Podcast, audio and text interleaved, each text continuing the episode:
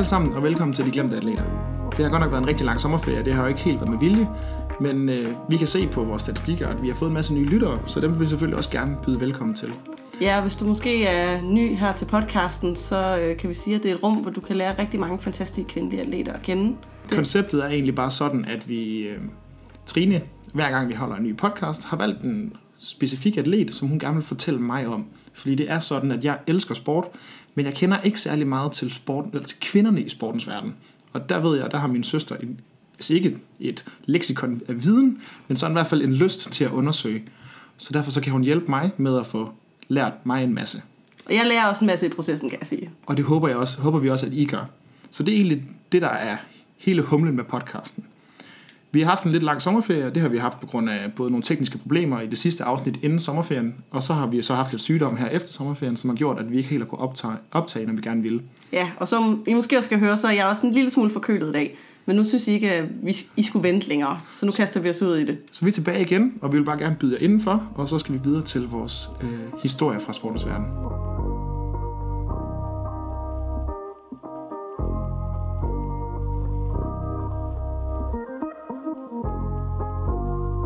Så skal vi til at i gang med vores øh, historie, som vi hver især har taget med fra sportens verden. De behøver nødvendigvis ikke at være aktuelle, og det har jeg med Gud heller ikke tænkt mig at være i dag. Det har været sådan, at vi alle sammen har haft, eller de fleste af os, der lytter til den her podcast, haft en øh, rimelig vild sommer, når det kommer til sport.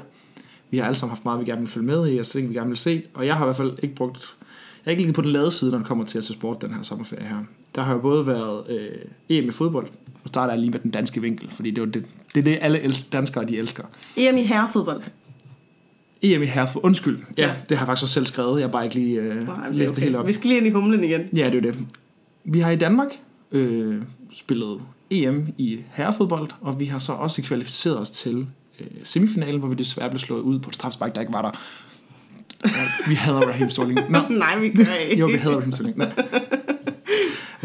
Øhm, så øh, det har været kæmpestort. Der, dem, der ikke opdagede det her i Danmark, at der var EM i, i fodbold, de har nok været under en sten i løbet af juni og start juli måned. Øhm, derefter så kom der Tour de France, hvor at vi satte rekord med øh, flest danskere på et podie siden 95, med øh, både Jonas Vingegaard og Kasper Pedersen og Mørkøv og jamen, de 11 danskere, der var med i Tour de France. Så mega, mega sejt. Jonas Vingegaard, der ender med et, øh, en flot, flot sølvmedalje i Tour de France, som vi jo nærmest ikke har haft en dansker på podiet siden, ja, det ved jeg ikke engang. Er det Bjarne Ries? Ja, det må det jo næsten være, for Michael Rasmussen stiller vel ikke? Nej, det gør jeg tror ikke, det gør. Nej, jamen øh, så må det jo næsten være der. Og så bagefter det, så havde vi jo det nærmest best case OL for Danmark med 11 medaljer, hvor at, øh, der var den ene succeshistorie efter den anden, og øh, spænding ud over alle grænser. Så, øh, Ja, ja vi, jeg har også set rigtig meget OL. Så det har simpelthen været kanon, og det har været fedt, og det har været simpelthen lige sådan en sommer, som man jo elsker, når man, øh, når man er sportsinteresseret.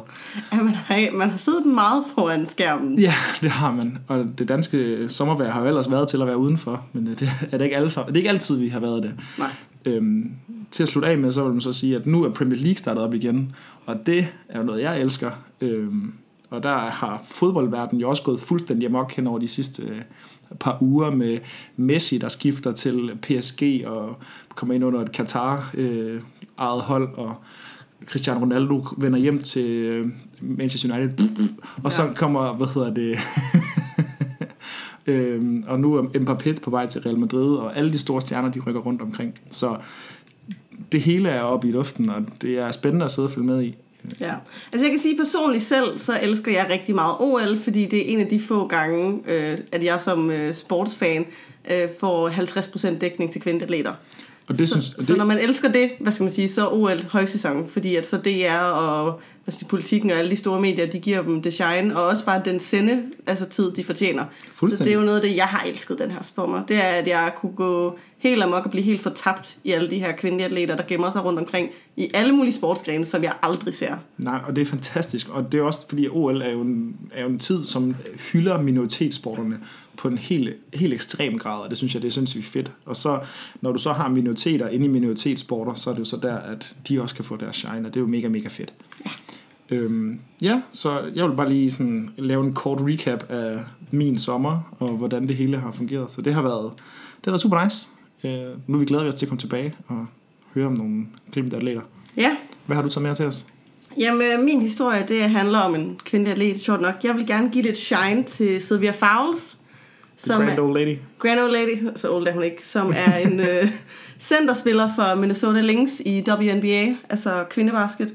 Øh, hun er, ligesom du siger, en af de store veteraner i ligaen, men øh, hun her i sidste uge leverede en af de bedste individuelle præstationer, jeg nogensinde har set i basket. Mm-hmm.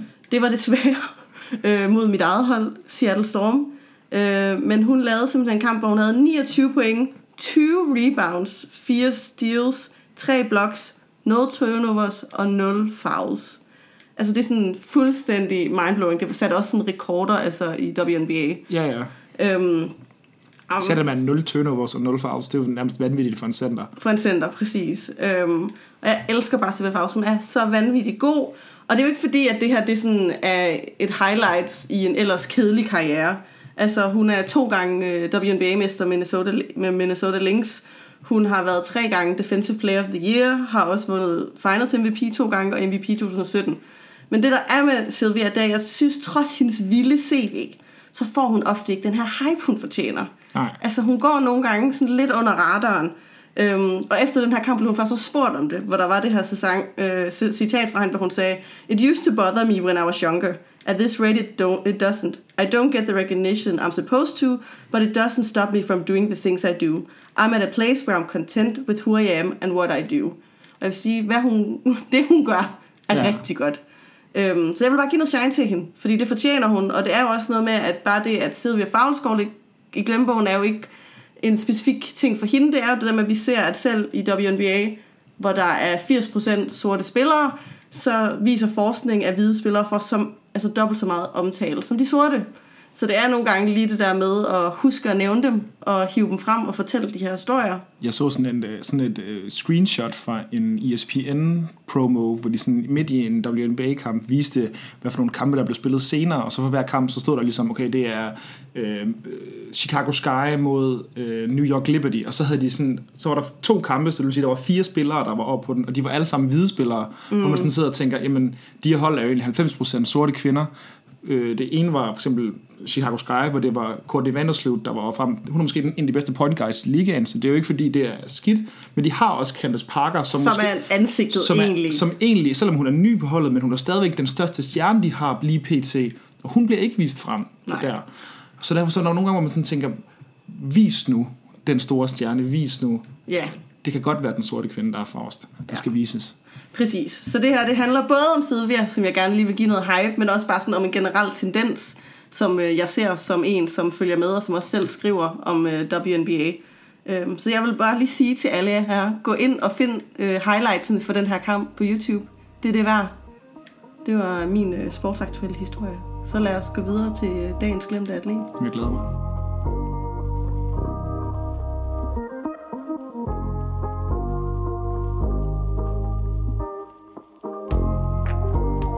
Så er vi jo nået til det der afsnit Glemte atlet. Øhm, og vi har øh, faktisk ikke snakket om en dansk atlet rigtig længe. Det er, det er vel nærmest ikke siden uh, Susanne Augustesen. Nej, det er ikke siden vores to første afsnit, hvor vi snakkede om kvindelandsholdet for 1971, og så Susanne Augustusen. Vi har snakket om en dansk atlet. Øhm, så jeg tænkte, det var på tide, at vi skulle ud det. Og så passer det også med, som vi lige har snakket om, at det lige har været OL. Øhm, så jeg synes, at vi skulle vælge en øh, dansk OL-atlet. Så jeg har simpelthen øh, valgt Lis Hartl, Ja. som er en øh, dansk øh, dressurrytter. Sådan. Ja, også lidt inspireret af, at jeg under OL sad og blev sådan helt emotional, af at se Katrine Defour øh, på, hendes, øh, på hendes test. Jeg elskede hendes coaches, der var, sådan, var meget sådan lidt... Hun, hun havde sådan en, øh, en coach, der snakkede meget i fagtermer, og hun skulle lige skulle have gjort her, og det talte lige lidt med her, og jeg sad og var fuldstændig sat af. Så, Ja. nu, så nu følte jeg sådan... Jeg kunne sådan næsten sætte mig ind i, hvordan det er nogle gange, når jeg snakker amerikansk fodboldtermer, og sådan bare det er et helt andet sprog. Ja. Men jeg kan også sige, Det kan disclaimer, inden vi overhovedet går i gang. Jeg er ikke ekspert i noget ridesport. Nej, Heller ikke øh, dressur. nej.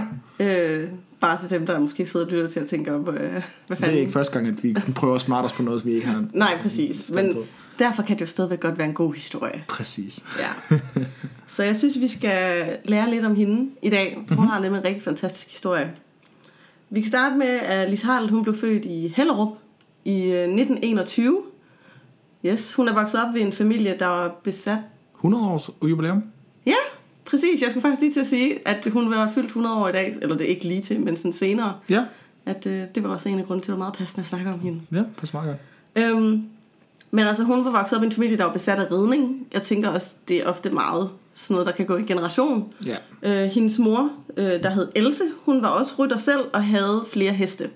Så øh, hendes mor, hun underviste Lis og hendes søster Tove i ridning fra en øh, meget ung alder. Men når man hører Lis fortælle om sin barndom, så lyder det ikke altid lige frem som en, der bliver en verdensberømt rytter på sigt.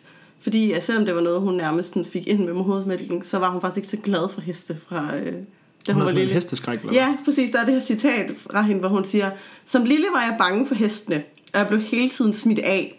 Jeg havde det, men så, lavede, øh, så legede min far en gammel krikke til mig, som jeg kunne trække rundt med. Jeg kom aldrig op at ride på den, men jeg kom lidt efter lidt til at elske heste og til at ride. Okay. Så det var simpelthen sådan, at hun øh, langsomt blev vant til dem. Det var en meget smart måde at gøre det på, sådan at tage en hest, der måske var mere vant til at bare være sådan en hyggekrikke, mere end det var sådan en, Ja, ja. en konkurrencehest, eller hvad man siger. Det er det.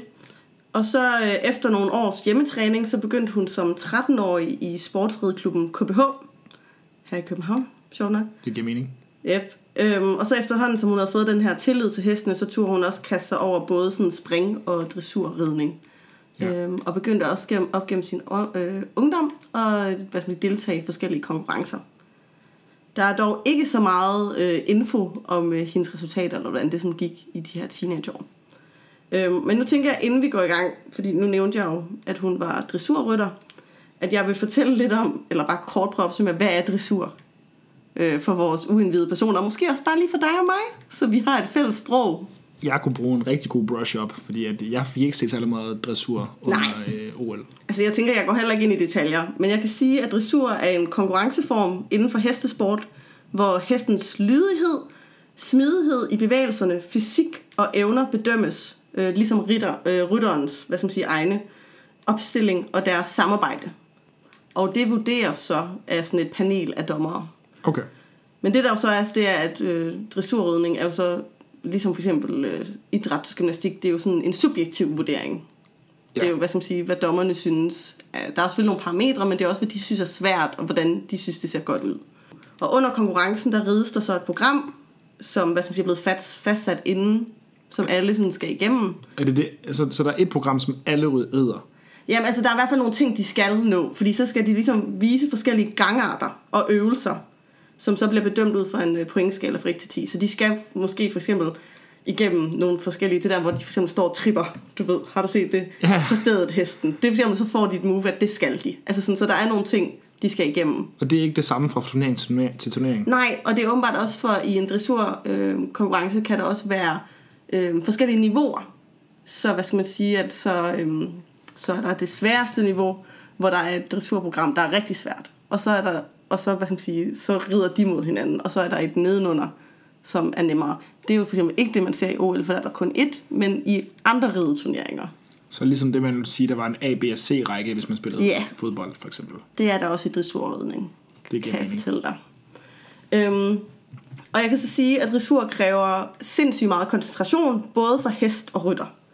Fordi det er det der med, at hesten den skal adlyde signaler, som rytteren giver, øhm, og det er jo, hvad skal man sige, ikke noget, som man siger øh, verbalt. Det er jo sådan noget øh, usynlige cues, og de skal være usynlige. Altså det er med i bedømmelsen af, hvor diskret de ligesom kommer igennem det her samarbejde. Så det kan være et klem med, med hvad hedder det, med øh, hælene, eller det kan være et, øh, Med hive i et, tøjlerne. et træk i tøjlerne Ja, og ting og præcis. sager. Men, men gerne ikke, hvad skal man sige, blide, diskrete bevægelser.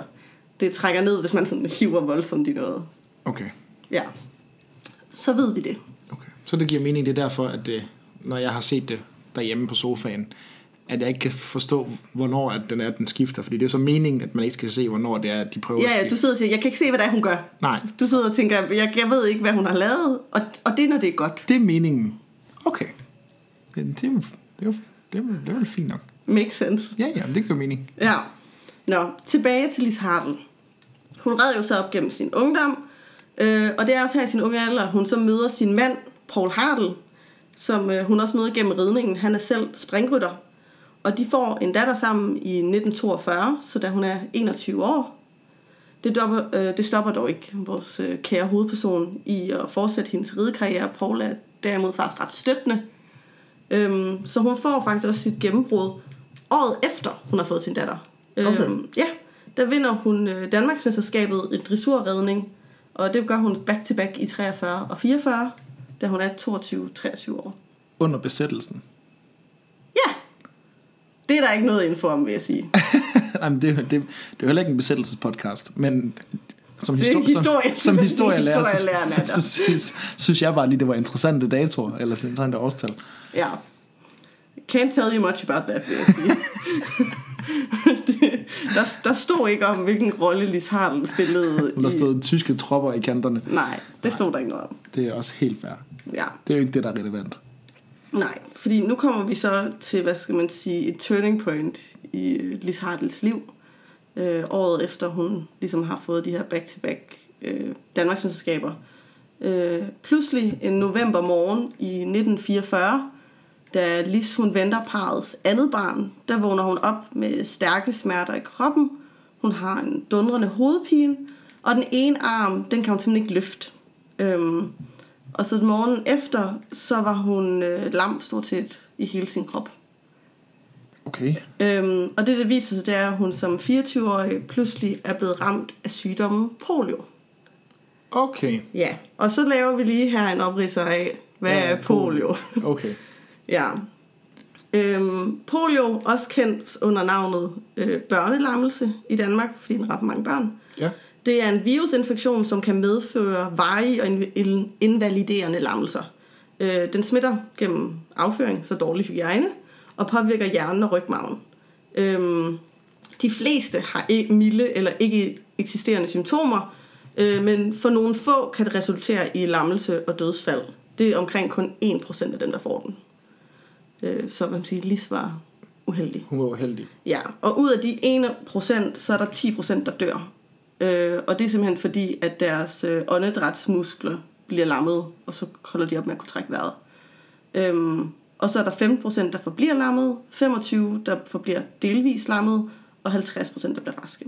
Og det er bare sådan, at i det her tidspunkt, hvor hun ligesom får den i 1944, der var der øh, store polioepidemier i Danmark. Øhm, Okay. så det var ikke noget, altså sådan, som hun, det var ikke sådan et rare case. Nej. Det var ligesom noget, der brød ud i Danmark i 40'erne og 50'erne, med sådan jævne mellemrum, cirka hver anden år. Øhm, og jeg kan sige sådan, at det var sådan i 52-53, blev, øh, der var den, sådan, den største epidemi, man snakker om i Danmark. Der blev 7.000 danskere smittet, hvor størstedelen var børn. 3.000 fik lammelser, og 350 af dem døde. Ja, Øhm, og så det var en meget frygtet sygdom på det her tidspunkt. selvfølgelig. Og i 1955, der indførte Danmark så som det andet land i verden en vaccine mod polio. Øhm, og forekomsten af polio faldt derefter ret. Øh, fordi før det indtil videre havde der været ligesom jævne epidemier. Og det sidste tilfælde af polio opstod i Danmark var i 1976. Og det seneste importerede var i 1983. Sådan. Så get, Get vaccinated. ja. Øhm, men så fik vi bare lige lidt historie-kontekst, nu når jeg siger, Vacciner virker. Lyt til jeres læger. Bliv nu vaccineret. Ja, der fik vi lige den. Øhm, men også når jeg fortæller om at sådan Lises poliosygdom, fordi sygdommen den giver Lis Hartl svære lammelser. Øh, den sætter en bræt stopper for hendes gryende karriere på hesteryggen. Lærerne de kalder hendes situation håbløs, og sagde, at hun skulle opgive overhovedet og ride igen, sætte sig på en hesteryg. Og Lis, hun siger, øh, at det gør hende godt og grundigt rasende. Sådan. Ja. Det er den eneste rigtige reaktion. Ja. Der er jo så på det her tidspunkt, eller der er så stadigvæk i dag, øh, ingen kur imod polio, når du først får det. Øh, man kan kun behandle symptomer ved at give ilt, øh, eller lave genoptræning. Øhm, og Lis, hun havde ikke tænkt sig at give op, så hun går i gang med genoptræningen. Øhm, der er et citat fra hende her. Lærerne dømte mig til et liv i kørestol, men det kunne jeg ikke acceptere. 8 timer om dagen kæmpede jeg for at få min krop i gang. Jeg kravlede rundt, gjorde gymnastik og gennemlevede forfærdelige smerter, men jeg ville ikke give op. Jeg havde jo mine børn at leve for. Og lige sådan den måde, der beskrev den her periode med hendes genoptræning, hun siger, hun var båret af en indre vrede over udsigten til aldrig at skulle ride igen. Og det var så også meget hendes mor, Else, og hendes mand, Paul, som ligesom hjalp hende igennem det her. De var ligesom kernen i hendes genoptræning.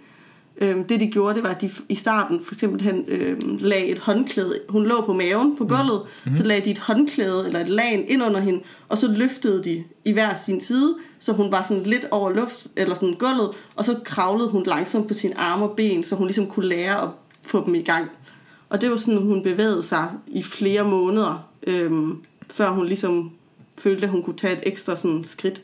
De fik også to cykler svejset sammen, så hun sådan ligesom kunne sidde på dem. Jeg ved ikke helt, hvordan det ser ud. Men så satte hun ligesom, øh, så tvang de benene ind i de her bøjler, eller sådan, og så kørte de ligesom hjulene rundt, så hun ligesom blev tvunget til sådan at få hendes bi, altså sådan ben til at køre. Det var det sådan Det meget... lyder som sådan en tandem-agtig ting. Så Ja, nej, men hun sagde, at det var ikke tandem, fordi der er, jeg har set sådan en video af hende, der beskriver det, men de var sådan side by side. Jeg ved ikke helt. Okay. Jeg ved ikke helt, hvordan. Men det var det, hun sagde. Men det var jo sådan lidt makeshift, altså sådan dem, der laver deres egen genoptræning. Øhm, fordi det simpelthen, øh, lærerne havde givet op, så det var sådan, det, så gør vi det bare selv -agtigt. Og så tænker jeg bare, at hun må have haft en vanvittig viljestyrke. Ja, psykopat Øhm, sejt, mand. Øh, og hendes mand Paul, han støtter hende jo så igennem den her proces. Hun siger også selv, hvis det ikke havde været for ham, ville jeg aldrig være kommet mig over sygdommen. Han stod hele tiden lige ved min side, lige til det sidste. Øhm, og hun siger også, at det var også fordi, at han ligesom forstod, hvor meget det betød for hende, det her med ridning. Øhm, og hun sled i to et halvt år. Ja, Sindssygt. før hun havde så meget sin førlighed tilbage, at hun kan sætte sig i sadlen for første gang. Her er det et citat, hvor hun siger, Jeg tog min kørestol og kørte op til rideskolen og blev hævet op på min hest. Og så skridtede jeg bare en omgang, blev dødtræt og måtte ligge i sengen en uge efter. Og det gjorde jeg nogle gange. Altså sådan... Så det var ligesom bare den rytme. Det er sygt sejt. Ja. Øhm, og langsomt kæmpede hun sig så tilbage i sadlen og tilbage til den sport, som hun elskede. Først sådan skridt og så trav. Det skal jo siges, at Lis hun, altså hun genvandt aldrig øh, hele sin førlighed. Hun øh, var lam fra knæet og ned, øhm, og havde altså sådan, næsten ingen muskler i sin læge, kunne ikke mærke sine fødder, og hun havde, havde heller ikke de samme kræfter i sine arme og sine hænder. Øhm, så hun, nogle gange brugte hun også krykker og sådan noget, når hun ikke var på hesteryg. Øhm, så det er også lidt sådan, hun beskriver det faktisk selv som, at den her tid efter hendes sygdom, hvor hun kom på hesten igen, det havde hun det faktisk nogle gange bedre på hesteryg, end hun havde det på jorden, fordi hun jo stadigvæk havde problemer med ligesom at gå, mm. men når hun sad på en hest, kunne hun, altså, Så kunne hun stadigvæk styre den, Ja. og det kunne hun gøre på nogenlunde samme måde, så hun følte sig ikke på samme måde handicappet, eller hvad man kan sige, holdt tilbage. Nu lige et men, fordi ikke helt på samme måde, for det skal okay. vi nemlig lige her. Øhm, fordi da Lis så her i øh, slut 40'erne, st- øh, start 50'erne, endelig er begyndt at ride igen, så sætter hun sig sit næste mål. Og det er, at hun vil gerne være med til sommer-OL i Okay. øh, 1952. Det skal være i øh, Helsingfors i Sverige. Mhm. Og hun vidste jo godt, at det ønske om kvalifikation, det betød hårdt arbejde og lange dage, og også nogle smerter. Og det er nemlig så her, hvor det bliver lidt svært, fordi hun jo ligesom havde manglende følelse og muskler i benene, og hendes hænder var svækket. Så det er jo en ret stor udfordring som rytter og som dressur, fordi det vi jo lige snakket om tidligere, Det, at det hele ligesom skal være subtilt og skjult og præcis, ting og sager. det er jo det der med, at de styrer hesten og giver hendes ved ligesom små klem og små delikate, altså delikate sådan Træk og... træk præcis. Så det var jo det der med, at hun lige pludselig... Det var lidt en umulig udfordring, altså sådan at skulle genlære øh, sit talent eller sine evner ved at prøve at lære at ride dressur på en helt ny måde. Ja. For det er det der med, at hesten rides med et fast greb i tøjlerne ved hjælp af bestemte sådan, lægmuskler, øh, som man bruger til at dirigere hesten. Så øh, det hun skulle, det var, at hun skulle udvikle sin egen teknik.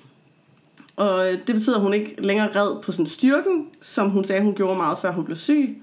Nu måtte hun sådan bruge et mere løs greb i tøjlerne og ved at flytte sin vægt i sadlen. Så det var sådan den måde, hun skulle lære at dirigere hesten på. Okay. Ja, øhm, og det hun så gjorde også her, det var, at hun fandt, eller gen, havde en familiehest, der hed Jubilee, som hun udså sig til, at det var ligesom den hest, hun skulle øh, genoptræne. Den havde også været med hende tidligere i karrieren. Og så handlede det jo egentlig om, at øh, de skulle have et nyt samarbejde. Og hun oplevede i starten, sagde hun, meget voldsomme styrt på egentlig ret simple manøvrer. Altså bare sådan noget som trav. Fordi at hun jo altså, havde svært ved balancen og svært ved at holde fast. Og at øh, hest Jubilee også nogle gange bare blev pis forvirret. Altså sådan, fordi den jo ikke var vant til at skulle dirigeres på den måde. Nej. Så det gjorde også ret ondt i, at hun bare ja, faldt ret meget. Så heste er jo kæmpe store dyr. Så der er jo langt ned. Der er langt ned, og også når hun ligesom ikke har så mange muskler, så jeg tænker, det er jo ikke sådan, hun kan holde fast. Altså sådan, Nej, hun ryger af. hun rører af. Ja, Øhm, det er vildt nok. ja, og hun fortæller her om Jubilee, som jo også er the star of the show. Den skal vi huske. Øh, da jeg købte hende for nogle få tusind kroner, var der ingen andre, der ville eje hende. Men jeg tog hende, fordi hun lignede en god familiehest, og så forvandlede hun sig til en af de heste, man kun får en af i sit liv. Nice. Nice, yes. Øhm, Det synes jeg, det er noget af det fede ved, at jeg, nu har jeg kendt et par enkelte rytter, jeg har, min øh, kærestes søster har selv reddet rigtig meget spring og ting og sager. Øhm, men den måde, de snakker om deres heste på, mm. de bliver nærmest en helt rørstrømske, når de ikke længere ejer dem. Fordi at man, altså, de tilbringer så meget tid sammen, og øh, får et eller andet bånd på en eller anden vis, som gør det sådan helt specielt, sådan en helt speciel sportsgren, hvor man ligesom er afhængig af et, men det er jo ikke et andet menneske, men et, et andet levende væsen mm. i at præstere. Så man får sådan et andet symbiotisk øh, forhold, hvor man ligesom, øh, man stoler på hinanden, og, og hvad de gør, og stoler på. For når du kommer med, nu lavede hun jo meget spring, men når du kommer med ja, 30 km i timen mod en kæmpe bum, der nærmest går dig over hovedet, og du, den, altså, så forventer man, at, man, at den hopper, mm. og, og den forventer, at du har styr på, hvad du laver som, som rytter. Så der er jo sådan et symbiotisk forhold omkring øh, sådan tillid til hinanden. Så de taler sådan altid om heste på sådan en på sådan en helt øh, affektiv måde, der sådan er, er lidt rørende altid. mm, det kan jeg godt de forestille har, mig. de har sådan et eller andet tæt forhold, når Ja. man arbejder så meget sammen. Det var også derfor, jeg tog det her citat, for jeg kan godt lide de få ting, jeg den måde, jeg har snakket, altså sådan, eller set Lis Hartl snak om Jubilee på. Ja, lige præcis. Det var meget sådan rørende, eller sådan meget fint. Ja, lige præcis. Og det det der med, at de holder så meget af den, som, som om, at det var altså, nærmest en del af dem, fordi de har tilbragt så meget tid sammen, og øh, kan reagere på hinandens følelser og små, øh, bitte, bitte øh, ja, bevægelser og træk og alle de der ting, som de nu gør. Bare vægtskifte kan få hende til at... Så det, det, det er sindssygt sejt. Det er noget af det fede ved, ved, ved sådan med hestesport. Ja. Øhm, men ja, hun har det her samarbejde med Jubilee, og øh, de lærer ligesom langsomt øh, at lave dressur på en helt anden måde. Øhm, og det er faktisk også på den her tidspunkt, at øh, Lis, hun kan dog ikke selv stige, øh, hvad skal man sige, øh, sådan op og af hesten. Så det er også hendes mand, Paul, som ligesom må sætte hende op og ned, øh, på grund af de manglende kræfter i benene. Øh, men hun siger selv, trods smerter ville jeg med til OL. Jeg var stedig, og jeg ville blive en bedre rytter. Øhm, og så er det i 1947, så jo ikke længe efter, altså sådan, der konkurrerer hun ved de skandinaviske sådan, ridemesterskaber, og hun slutter på en anden plads. Øhm, og det her på det tidspunkt, der var der ikke nogen på den hvad skal man sige, internationale scene, som rigtig var klar over hendes altså, sygdom, og hvad der ligesom var sket med hende. Mm. Øhm, og det var også øh, Jubilees første sådan, udlandske ridestævne. Mm-hmm. Øhm, og det er faktisk også sådan, at med den anden plads, der øh, kvalificerer hun sig til at kon- kunne konkurrere ved OL i 1948. Mm-hmm. Der er dog et ret stort men. Fordi det er faktisk ikke hendes handicap eller hendes dygtighed, som ikke gør, at hun ikke kan deltage i 1948's OL. Du får et gæt, hvorfor kan hun ikke deltage? I 48? Ja. Det er fordi, hun er kvinde, garanteret. Det er 100% fordi hun er kvinde. Ja, så selvom hun... Øh, Ej, hvor er det bare alt for meget on-brand. det er virkelig en brand. Det, det er sådan helt... Øh, Ja, kom nu, menneskehed. præcis. Øh, fordi hun øh, ja, får pointene til det.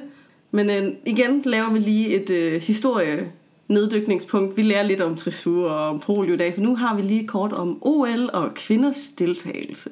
Mm. Ja. Det første moderne OL blev afholdt i 18, øh, 1896. Det blev grundlagt af Pierre de Coubertin. Øh, Han så OL ligesom sådan en arena, hvor at øh, hvad skal man sige, nationer kunne mødes og udkæmpe krige på sådan, gennem sport, og så ville det skabe mere fred. Og så også generelt mente han bare, at individet altså sådan opnåede, opnåede storhed gennem idræt. Øhm, men han var selvfølgelig meget imod, at kvinder skulle dyrke sport, øhm, og ønskede ikke, at de deltog i OL. Og det er jo ikke noget nyt, hvis vi lytter til vores programmer omkring den her tidsperiode. Man mente jo generelt, at kvinder var skrøbelige væsener, og det kunne ikke være sundt for dem, og det skulle de jo ikke. Gudskelov gik det ikke helt, som uh, Coubertin han gerne ville have. De første kvinder deltog i OL i allerede år 1900 i golf og tennis. Og lige siden har kvinders øh, hvad skal man sige, deltagelse langs- langsomt sådan steget i OL. Øhm, nu når vi dog til dressur, eller som på det her tidspunkt blev kaldt skoleridning, har jeg lært. Øhm, det blev tilføjet til OL-programmet i 1912, øh, men det var kun mænd, der kunne deltage de første mange år. Faktisk var det kun øh, gentlemans og officerer, så sådan kvinder og civile kunne ikke deltage. Okay, så du skulle ligesom være en del af en, Mil- et militær. et militær. Ja. Okay, sindssygt. Ja. Men gudskelov lige op til 1952, hvor det næste OL var, efter det hun missede, der besluttede den olympiske komité sig for, at øh, nu kunne kvinder godt konkurrere i dressur. Og de skulle endda også konkurrere direkte mod mændene. Altså sådan, der var ikke kønsopdelt. Det var ikke kønsopdelt, så det, det var alle mod alle. Det var alle mod alle på lige vilkår. Så i 19, OL 1952, som Lis så kvalificerer sig til, også ved at blive dansk mester det år, der er hun sammen med tre andre kvinder, den, altså de første til at deltage for deres køn i øh, OL, eller sådan dressur i OL. Stærkt.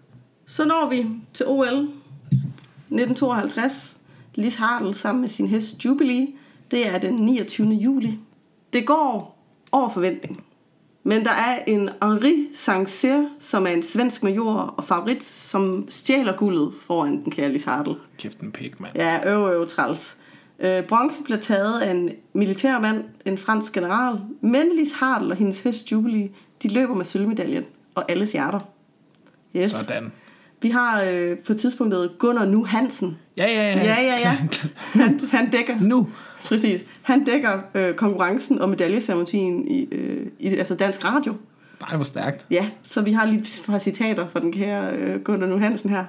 Han siger, Hvis man ikke ved, om det er, så er det jo en dansk legendarisk kommentator, som især er kendt for at kommentere øh, det danske fodboldlandshold, og på anden vis, og så åbenbart også kommenteret andet sport. Men der er en øh, plads opkaldt efter ham inde på Østerbro. yes. Her har vi nogle citater fra Gunnar Nu Hansen om Hartl. Lad os høre. øh, præget af en overlegen, velsignet ro, fuldendt beherskelse og intens koncentration. Og så, sådan, så han, og så, han sådan, og så siger han bagefter, et sejrsbudskab, der vil vække glæde langt ud over ridningens og idrættens kreds. Den vil vække håb hos tusinder af mennesker verden over, som er ramt af børnelammelser. Ej, hvor nice. Ja. Så han, han anerkender også polioen, og hvordan Ja, ja. han overkommer det hele. Præcis.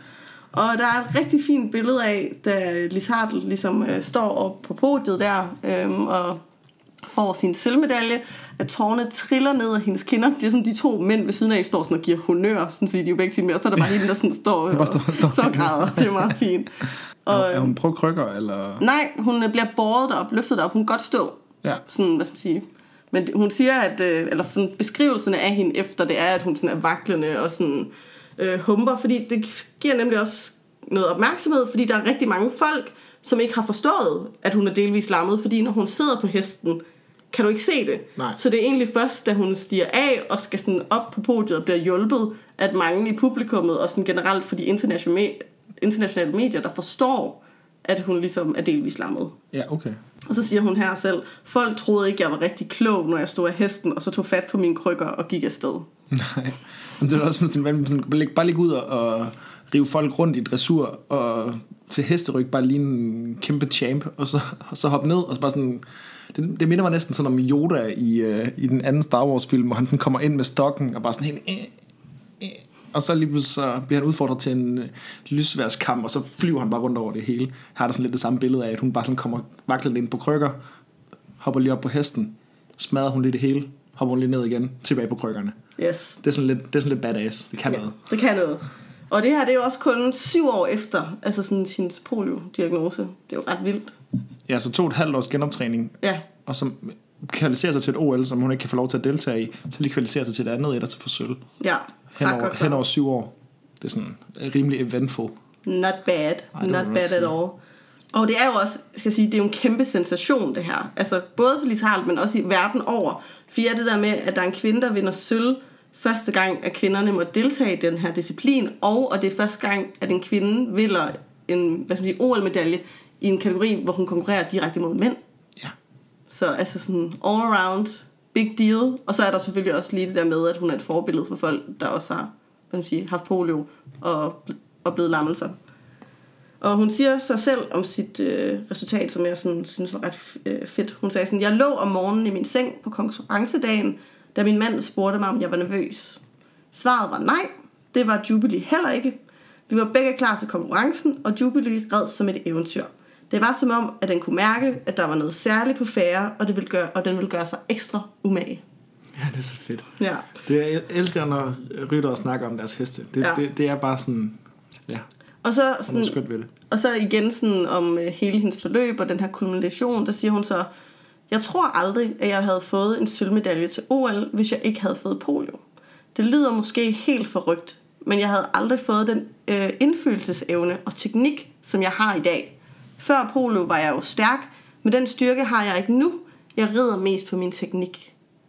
For de sagde faktisk også, at sådan, når de beskriver hende, altså sådan, at hun havde sådan en utrolig sådan elegance, og bare fuldstændig sådan gled i et med Jubilee. Altså sådan, fordi at hun ligesom, ja, Fordi at hun brugte sin teknik på en anden måde, altså hun Ja. red på en anden måde, så Ja. kunne hun gøre det mere elegant, eller Ja. på en eller anden vis. Altså nu Det ved jeg, jo, ved jeg jo ingenting. nej nej, men det er jo sådan, hun har beskrevet i hvert Men fald. det, det giver jo også god mening i forhold til, at hvis man, den gængse teknik er at trække og klemme lidt med benene, Ja. så i stedet for, hvis man bare kan skifte med, nu, nu spitballer jeg bare, at hvis man sådan kan, bare lige kan skifte vægten over på, på den ene side og den anden side af kroppen og ting og sager, det må man jo på en eller anden vis kunne skjule bedre, andet end, ja, altså, Det ved jeg ikke, men hun, hun gjorde det i hvert fald.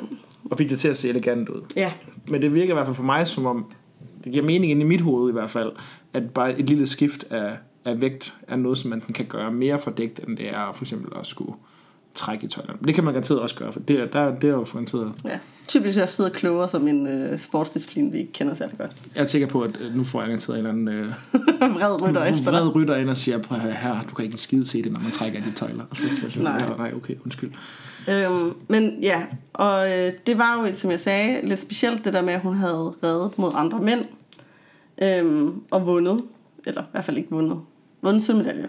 Øhm, og det var ikke alle. Jamen, den vinder man også. Den ved man også, ja, men hun havde bare ikke sådan slået med alle. Der var Nej, en, der slog hende. Det er rigtigt. Øhm, men det var jo ikke... Fucking svensker, altså. ja. Og det var ikke alle, der tog det pænt. At hun vandt Nej. sølv. Ja, der var øh, et citat her. De syntes, det var frygteligt og blev rasende. De var nogle dårlige tabere, siger hun om de andre mænd. ja. Så de skulle måske bare lige get with the times. Ja, kom i gang, altså. Ja. Og så øh, efter OL, der fortsætter hun de gode takter og bliver dansk mester i dressur i 52, 53 og 54. Så hvor mange år er det nu snart i streg, at hun er blevet dansk mester? For startede det ikke allerede sådan noget tilbage i Det var, 46 eller sådan noget? jo jo, altså Ej, der var jo så et 48. hul. Altså der var jo, der, før hendes polio, der fik hun to i streg jo. Ja, og så fik hun polio, og så, men hun kvalificerede sig jo i 48. Ja, men det var det skandinaviske, øh, hvor hun kom på øh, andenpladsen. Det skandinaviske mesterskab, der blev hun ikke dansk mester i dressur. Okay. Det var 52, 53, 54. Så samme år, øh, år, som hun vandt sin sølvmedalje, blev hun dansk mester også. Okay, så det er meget misforstået. Uanset hvad, hun vinder mange mesterskaber. Det gør hun, og hun bliver også øh, uofficiel verdensmester i dressur i 1954. Øh, det, det, er, det første officielle verdensmesterskab bliver først afholdt i 1966. Okay, så der er ikke nogen officielle verdensmesterskaber i Nej. dressur på det tidspunkt. Så hun vinder det uofficielle. Okay. Øhm, Det jo det også afholdte Femina. nej, det gjorde det ikke. Dog ikke. Øhm, Kom nu, get with the times, Femina. Ja, for dårligt. Øhm, og så er det, at hun endnu en gang i 1956 øh, deltager ved endnu et OL. Det skulle faktisk afholdes i Australien, eller blev afholdt i Australien, men der valgte man simpelthen, at øh, dressur, som den ene disciplin, blev afholdt i, sådan, i Sverige, sådan flere uger før OL afholdt. Altså sådan, så hun, det gjorde man åbenbart. De skulle ikke rejse derned. I don't know why, men det gjorde de. Øhm, det var, de eller, okay, jeg ved godt hvorfor. De siger, det var sådan noget med nogle karantæneregler, og noget, der blev sådan, gjorde, det var ret bøvlet. Så de blev afholdt i Stockholm. Men det er jo, det er jo garanteret fordi, at øh, i Australien, de er jo rimelig sådan, øh, øh, hvad hedder det, panipne med deres øh, indrejseregler for frugter og dyr og ting og sager. Ah, Så, tænker, okay. så tænker jeg jo ikke, at det er sådan skide fedt at komme med 100 heste, Nej. når de, de har alle de der Men, øh, regler omkring deres dyr og ting og sager. Men så hun kunne blive i nærområdet, kan vi sige. Øhm, og hun siger, at øh, der var en øh, meget regnvåd bane, øh, og der var, så kom de dog godt igennem de 53 programpunkter, de skulle ride i den der finale. 53. Nej, undskyld. 33. Det sidder vi også mange. Det er stadig mange. Ja. Det er jo så sikkert se. Så, men hallo, da jeg så Katrine Defour, der red hun skulle også sådan noget 10 minutter.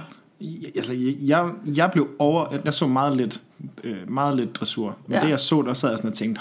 Fordi Sara hun så det, fordi Ja. hendes søster har reddet. Og der var jeg meget sådan... Hold kæft, det tager lang tid.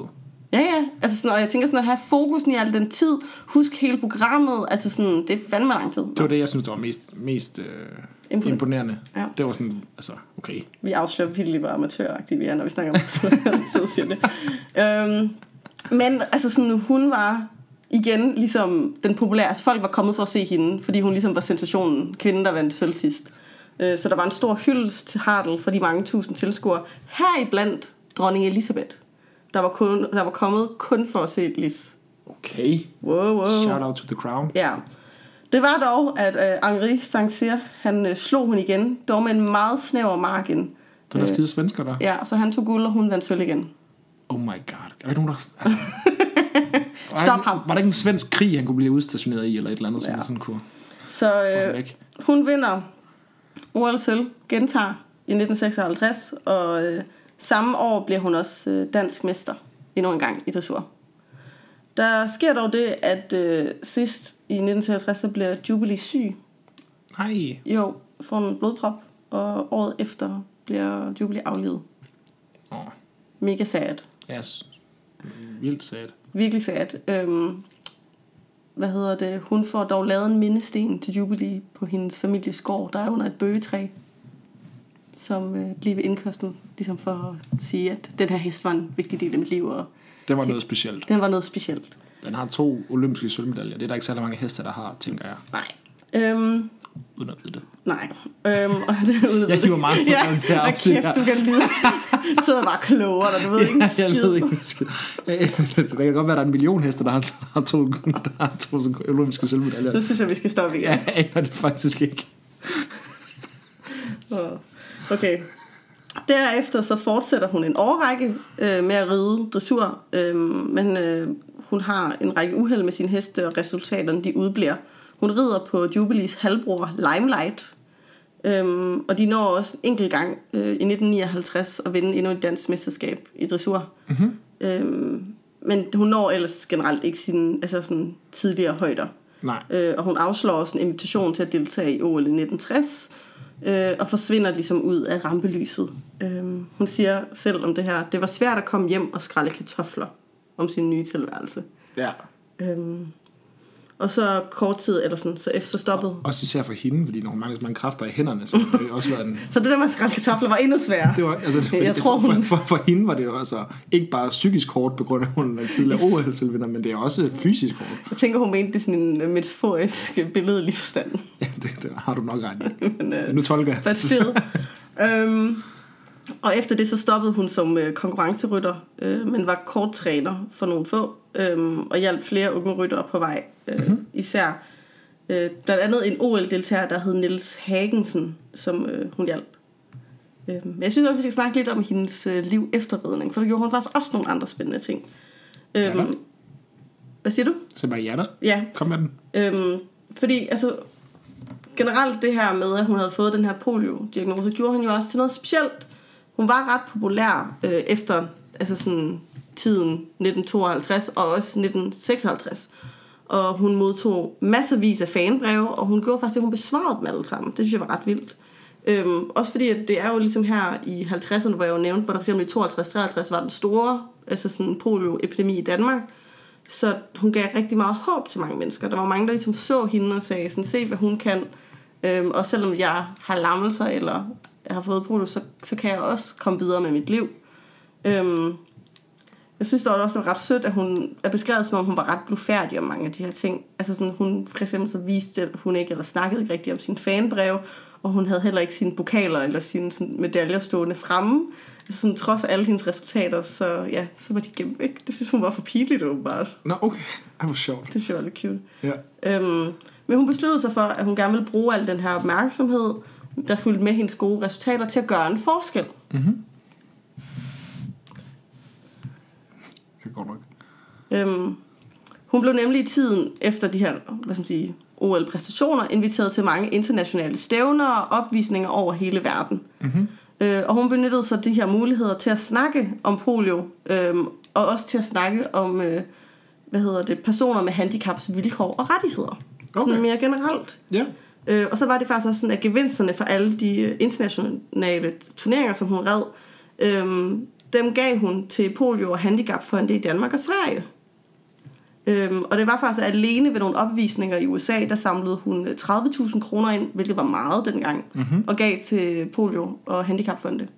Var hun sej. Hun var mega sej. Øhm, og hun kæmpede generelt for, at personer med handicap skulle have samme adgang og muligheder som alle andre. Mm-hmm. Øh, hun havde et, man, et, sådan et mantra, der hed, handicappet er ikke syge, men raske med et handicap. Øhm, og et meget sådan, konkret eksempel, som jeg synes var interessant, det var, at øh, på det her tidspunkt før i tiden, der havde kørestolsbrugere ikke rigtig adgang til Tivoli. Nej. Øhm, bare sådan, der var ikke ramper så meget, og man havde, der var faktisk også en oplevelse af, at de nogle gange ikke sådan fik lov til at komme ind. Og det hørte hun så øh, og tog affære og fik ændret. Så, så det var altid noget. Så hun fat i dem, så ja. det kan I fandme godt lave om. Ja, så kan man bruge sin indflydelse. Øhm, og hun sad også i bestyrelsen i Vandførerfonden i 20 år, det er en fond, som sådan støtter revalidering og boligforhold for mennesker med bevægelseshandicap, øh, og sådan generelt arbejder for at sådan lette deres transport og deres, øh, hvad skal man sige, øh, generelt bevæg, altså sådan problemer, de måtte opleve i samfundet, når de har et bevægelseshandicap. Øh, så det synes jeg egentlig var meget interessant. Og hun sådan talte meget for, hvor godt ridesport var for personer med alle former for handicap. Øhm, hun sagde for eksempel her, ridning er en fremragende træning for mange handicappede, for hesten er ikke en træningsmaskine, men et levende væsen. Selvom dens bevægelser er regelmæssige, kan der hele tiden, også, kan der hele tiden opstå uventede situationer, og rytteren er nødt til, bevidst eller ubevidst, at forsøge at bruge andre muskler. Øhm, så det synes jeg var meget fedt også. Det betød rigtig meget for hende. Det synes jeg er mega sejt. Mm, og det var faktisk så meget hvad skal man sige, en del af hendes øh, eftermæle omtale, øh, at i 1990, der i Holland, i Dorn i Holland, åbnede der et revaliderings- og ridecenter opkaldt efter Lis Hartl. Sådan. Mega sej. Ja. Øhm, så det var en meget stor del af hendes liv, og hvad skal sige, især liv efter e- ridning. Efter ridning, så var det ligesom der, det, det tog over. Ja. Øhm, Lis Hartl døde så i øh, 2009, en alder af 87 år. Ja. Øhm, væk jeg, jeg havde næsten også tænkt, at det havde været vildt, hun stadig været liv ja. i dag. Øhm, men hvad skal man sige, væk fra rampelyset. Mm. Øhm, ja, og som jeg sagde, hun vil være fyldt 100 år i år. Jeg synes egentlig bare, det var interessant, altså sådan, fordi hun var jo på toppen af karrieren i en tid, hvor der jo ikke var internet, og hvor der ikke var farvefjernsyn. Så det var det der med, at hendes præstationer blev omtalt, altså i radioen, det var radiodækning. Og det mm. gør også noget måske i, eller sådan, jeg ved ikke, om det er gået glemmebogen, men altså sådan, vi har jo ikke den samme visualisering af hende. Nej. som hvad skal jeg, sige, jeg tror gør noget for, når man husker især idræt eller sådan sportspræstationer. Præcis. Øhm, men hun præsterede at skabe stor opmærksomhed og respekt for ridesporten i Danmark, især dressur. Øhm, og så gjorde hun en forskel for personer med handicapsrettigheder og vilkår i Danmark. Øhm, og hun blev optaget som, sammen med en anden kvinde, de to første kvinder i Dansk Idræts Hall of Fame i 1992. Hun er den eneste skandinaver, der er optaget i sådan, The International Women's Sports Hall of Fame, i 1994. Øhm, og i 2005 blev hun en del af den danske idrætskanon, sammen med EM-holdet fra 92, herreholdet, mm. Bjarne Ries og Anja Andersen. Øhm, og i 2007, der hedrede Dansk Rideforbund hende, hende med et æresmedlem for hendes store betydning for dansk ridesport. Så hvad skal man sige? Helt glemt er hun jo ikke. Nej. Men jeg tænker, der er mange ligesom mig, der har lært... Jeg har aldrig hørt dem. Nej, præcis. Lært hendes historie at kende altså fun fact, inden at øh, vi inden, inden vi optog den her episode, der fik jeg lige et, øh, et blik af hendes navn ude på vores øh, showdog. Og der kom jeg til at udtale hende Liz Hartle, fordi jeg troede, hun var amerikaner. ja. så, så shows what I know. Ja. Aner ingenting. Præcis. Jeg tænker, der er mange i, sådan, i den generelle befolkning, som ikke kender til hende. Jamen, det tænker jeg. Altså sådan, øhm, og især synes jeg, det var passende nu her, når vi har OL. Hmm? Øh, lige at have hende op igen. Øhm, og jeg tænker, at jeg lige vil også slutte af med øh, et, et par ord fra hende her, fordi hun blev i DR-interview i 1982 spurgt om, hvad hendes største sejr var. Og så svarede hun, ja, min største sejr, øh, der vil de fleste nok tænke, at det må være Helsingfors, ikke? Men min største sejr, det var min kamp over polio. Det tror jeg, det var. Det var sygt nice. Ja. At hun så. lige knækker, knækker polio, og så lige går ind og vinder to sølvmedaljer Ja. ved OL. Det er godt nok cool. Så jeg synes lige, der var en dansk atlet, vi øh, burde snakke lidt mere om, nu når vi snakker om, øh, om OL.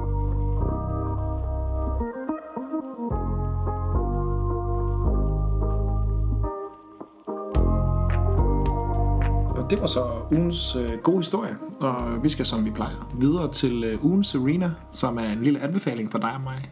Noget, som vi kan øh, råbe command over, som øh, Serena jo plejer at gøre, Yes. når det går godt.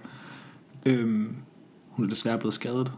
Ja, hun er desværre ikke med i US Open, så øh, vi sender nogle varme tanker til øh, den bedste atlet nogensinde. Word. Øhm, jamen, øh, min anbefaling på den her uge, det er øh, en øh, Netflix-serie, så jeg gør, hvad jeg plejer. Øhm, den hedder Sådan bliver man en tyran, og det er en dokumentarserie, som, handler, som er i seks afsnit, og det er en historisk dokumentar, som er lavet som en lidt en drejebog om, hvordan man skal, eller kan blive diktator i sit eget land. Den er sådan lavet lidt, lidt, lidt med sådan en humoristisk twist, selvom den er meget seriøs. Så noget, vi alle sammen kan bruge. Ja, lige præcis. Øhm, det er egentlig, hvor den, den bliver listet op med sådan seks måder, hvorpå at næsten alle tyranner har tilrendet sig magten, og så beholdt den derefter. Så den bliver ligesom delt op i seks punkter. Øh, den ene er sådan noget seize the power, og så, så er der sådan, hvordan, hvordan kan man sådan helt, øh, kan man sige, drejebogsagtigt sige, sådan her gør man det. Og så nummer to, det er ligesom sådan, øh, øh, eliminate the competition. Øh, og så helt præcis, hvordan gør man det, og sådan ting. Og så er det ligesom sat igennem, og så ved hver afsnit, så tager de udgangspunkt i e, nogle af de værste tyranner, vi har haft i verden. Så det første afsnit, det er Hitler. Andet afsnit er øh, Saddam Hussein, og tredje afsnit er så Idi Amin, og det er den, jeg så lige er blevet færdig med at se. Og det er super hårdt, det er super uhyggeligt og skræmmende, men også samtidig vildt spændende øh, med, hvor systematisk de har gjort det her, og hvordan nogle fuldstændig vilde og vanvittige beslutninger, de har taget i løbet af deres vej, hvor de sådan har tænkt, det har været fuldstændig overlagt, at de har taget en beslutning om, at jamen nu skal hele det her kabinet af, af hvad hedder det, rådgivere, jamen der er måske en eller to af dem, der har på et tidspunkt overvejet at skulle have noget mere magt, og så bliver de bare henrettet nærmest hele kabinettet. Og så snakker Ja. man om Saddam Hussein, der Ja. bare sætter et eksempel og dræber 20 rådgivere mm. øh, for hans eget parti. Ja. Så ikke super uplifting, men meget interessant. Men det er også det, hvis det er systematisk, altså det er nogle moves, som de, der går igen jo. Jamen lige præcis. Og det er jo det, det, er der er så vildt, det der med, at sådan, selvom det inde i hvert afsnit bliver gjort, øh, for eksempel i første afsnit, der følger man Hitler, jamen så hver gang, at der når de går videre til det næste punkt af, hvordan man ligesom tilrender sig magten, jamen så så perspektiverer det det også til de andre bare meget hurtigt, så siger de, okay, øh, Muammar Gaddafi, han gjorde sådan her.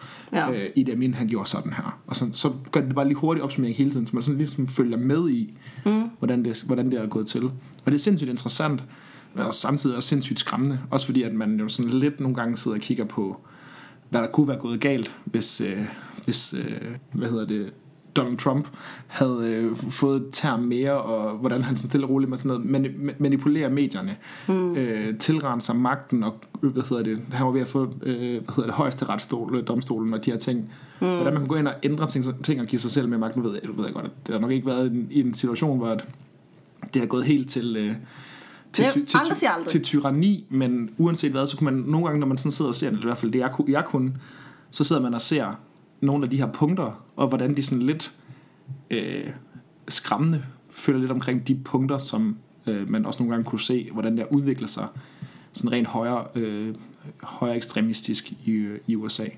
Så det er en skræmmende ting. Jeg vil sige, at øh, fortælleren til serien, det er Peter Dinklage, som man jo nok kender som øh, Tyrion Lannister i Game of Thrones. Han har en rigtig god og dramatisk stemme, som han, der gør, at man ligesom sidder på kanten altså ens sæde hele vejen igennem, for han, sådan, han har sådan en dyb og raspende stemme, som gør det sådan lidt mere eksotisk og spændende. Så øh, kæmpe anbefaling, især hvis man er lidt historisk interesseret og, og ikke er så, så sky, når det kommer til at høre omkring nogle af de her forfærdelige ting, der er sket igennem verdenshistorien, og som også nogle steder stadig sker, fordi at jeg, i det næste afsnit kommer handler om, øh, om Nordkorea. Så øh, ja. der er nogle ting, som der jo nok højst sandsynligvis stadigvæk forts, øh, fortsætter i den dag i dag. Det lyder meget interessant. Det er sindssygt interessant. Yes, så til noget helt andet. jeg kunne godt lige læse din, din sådan lidt mere uplifting. Ja. Øh, min ugen Serena, det er også en tv-serie. Den hedder We Are Lady Parts. Øh, på DR kan man finde den lige nu. Det er en britisk komedieserie om et øh, britisk punkband, der udelukkende består af unge muslimske kvinder. Øhm, der er syv afsnit. Øhm, jeg har kun set to, men jeg er allerede sådan dybt forelsket den her serie. Altså sådan, den er så absurd sjov. Ja. Og sådan uplifting, og um, de... Øh, altså sådan, også fordi der, det er sådan, eller der har musical elementer i, at de ligesom spiller punkmusik. Øhm, og det er bare sådan ret humoristisk. De har en sang, der hedder Voldemort under, under my headscarf. Ja. er den sådan lavet sådan, er, er sådan, som om det er Quirrell eller et eller andet, der... Ja, ja, altså sådan, men, men, men altså mere sådan, men under deres sådan, hijabs, ligesom. Altså sådan, det er det, der sådan Nå, er, på det står, hvad jeg mener, det er det, der er ideen. Jeg forstår. Nu Det er forstår mig, du, der ikke, ja. mig, der ikke fatter. Ej, hvor grineren. altså sådan, den er absurd sjov, for den handler egentlig bare sådan om venskab, og sådan kærlighed, og sådan, altså sådan, og ja, og bare et helt andet take, øh, end meget af den dækning, vi desværre ser, hvad skal man sige, af unge muslimske kvinder. Mm. Der er ikke nogen, der er offer her. De har fuldstændig autonomi over deres altså sådan, liv og ønsker, og man skal ligesom ikke vente på altså sådan noget. Og den, den er bare med sådan glimt i øjet. Sådan I første afsnit er for eksempel en sang, der sådan hedder... Øh, hvad hedder det, underkilling, men så handler det om sådan, at ville dræbe en søster, når hun stjæler ens tøj. så er det sådan, I wanna kill her, underkill her. Altså, det, det er bare sådan, det er, det er bare meget sjovt. Det er meget sjovt. Man skal se den. Øhm, og den gjorde mig rigtig bare glad, og jeg glæder mig til at se fem andre afsnit. Jeg tænker ikke, det kan blive dårligt. Nej. Vi vil øh, stille og roligt lukke af her for de glemte atleter. Ja, Tusind tak, fordi I øh, lyttede med. forhåbentlig går der ikke lige så lang tid, før I hører fra os igen. Vi er tilbage på, jeg skulle gerne, meget gerne være tilbage på samme schema med, at vi udkommer cirka hver tredje uge. Gerne om søndagen, så hold øje med os i jeres feed. Og øh, I må have en fremragende næste uge.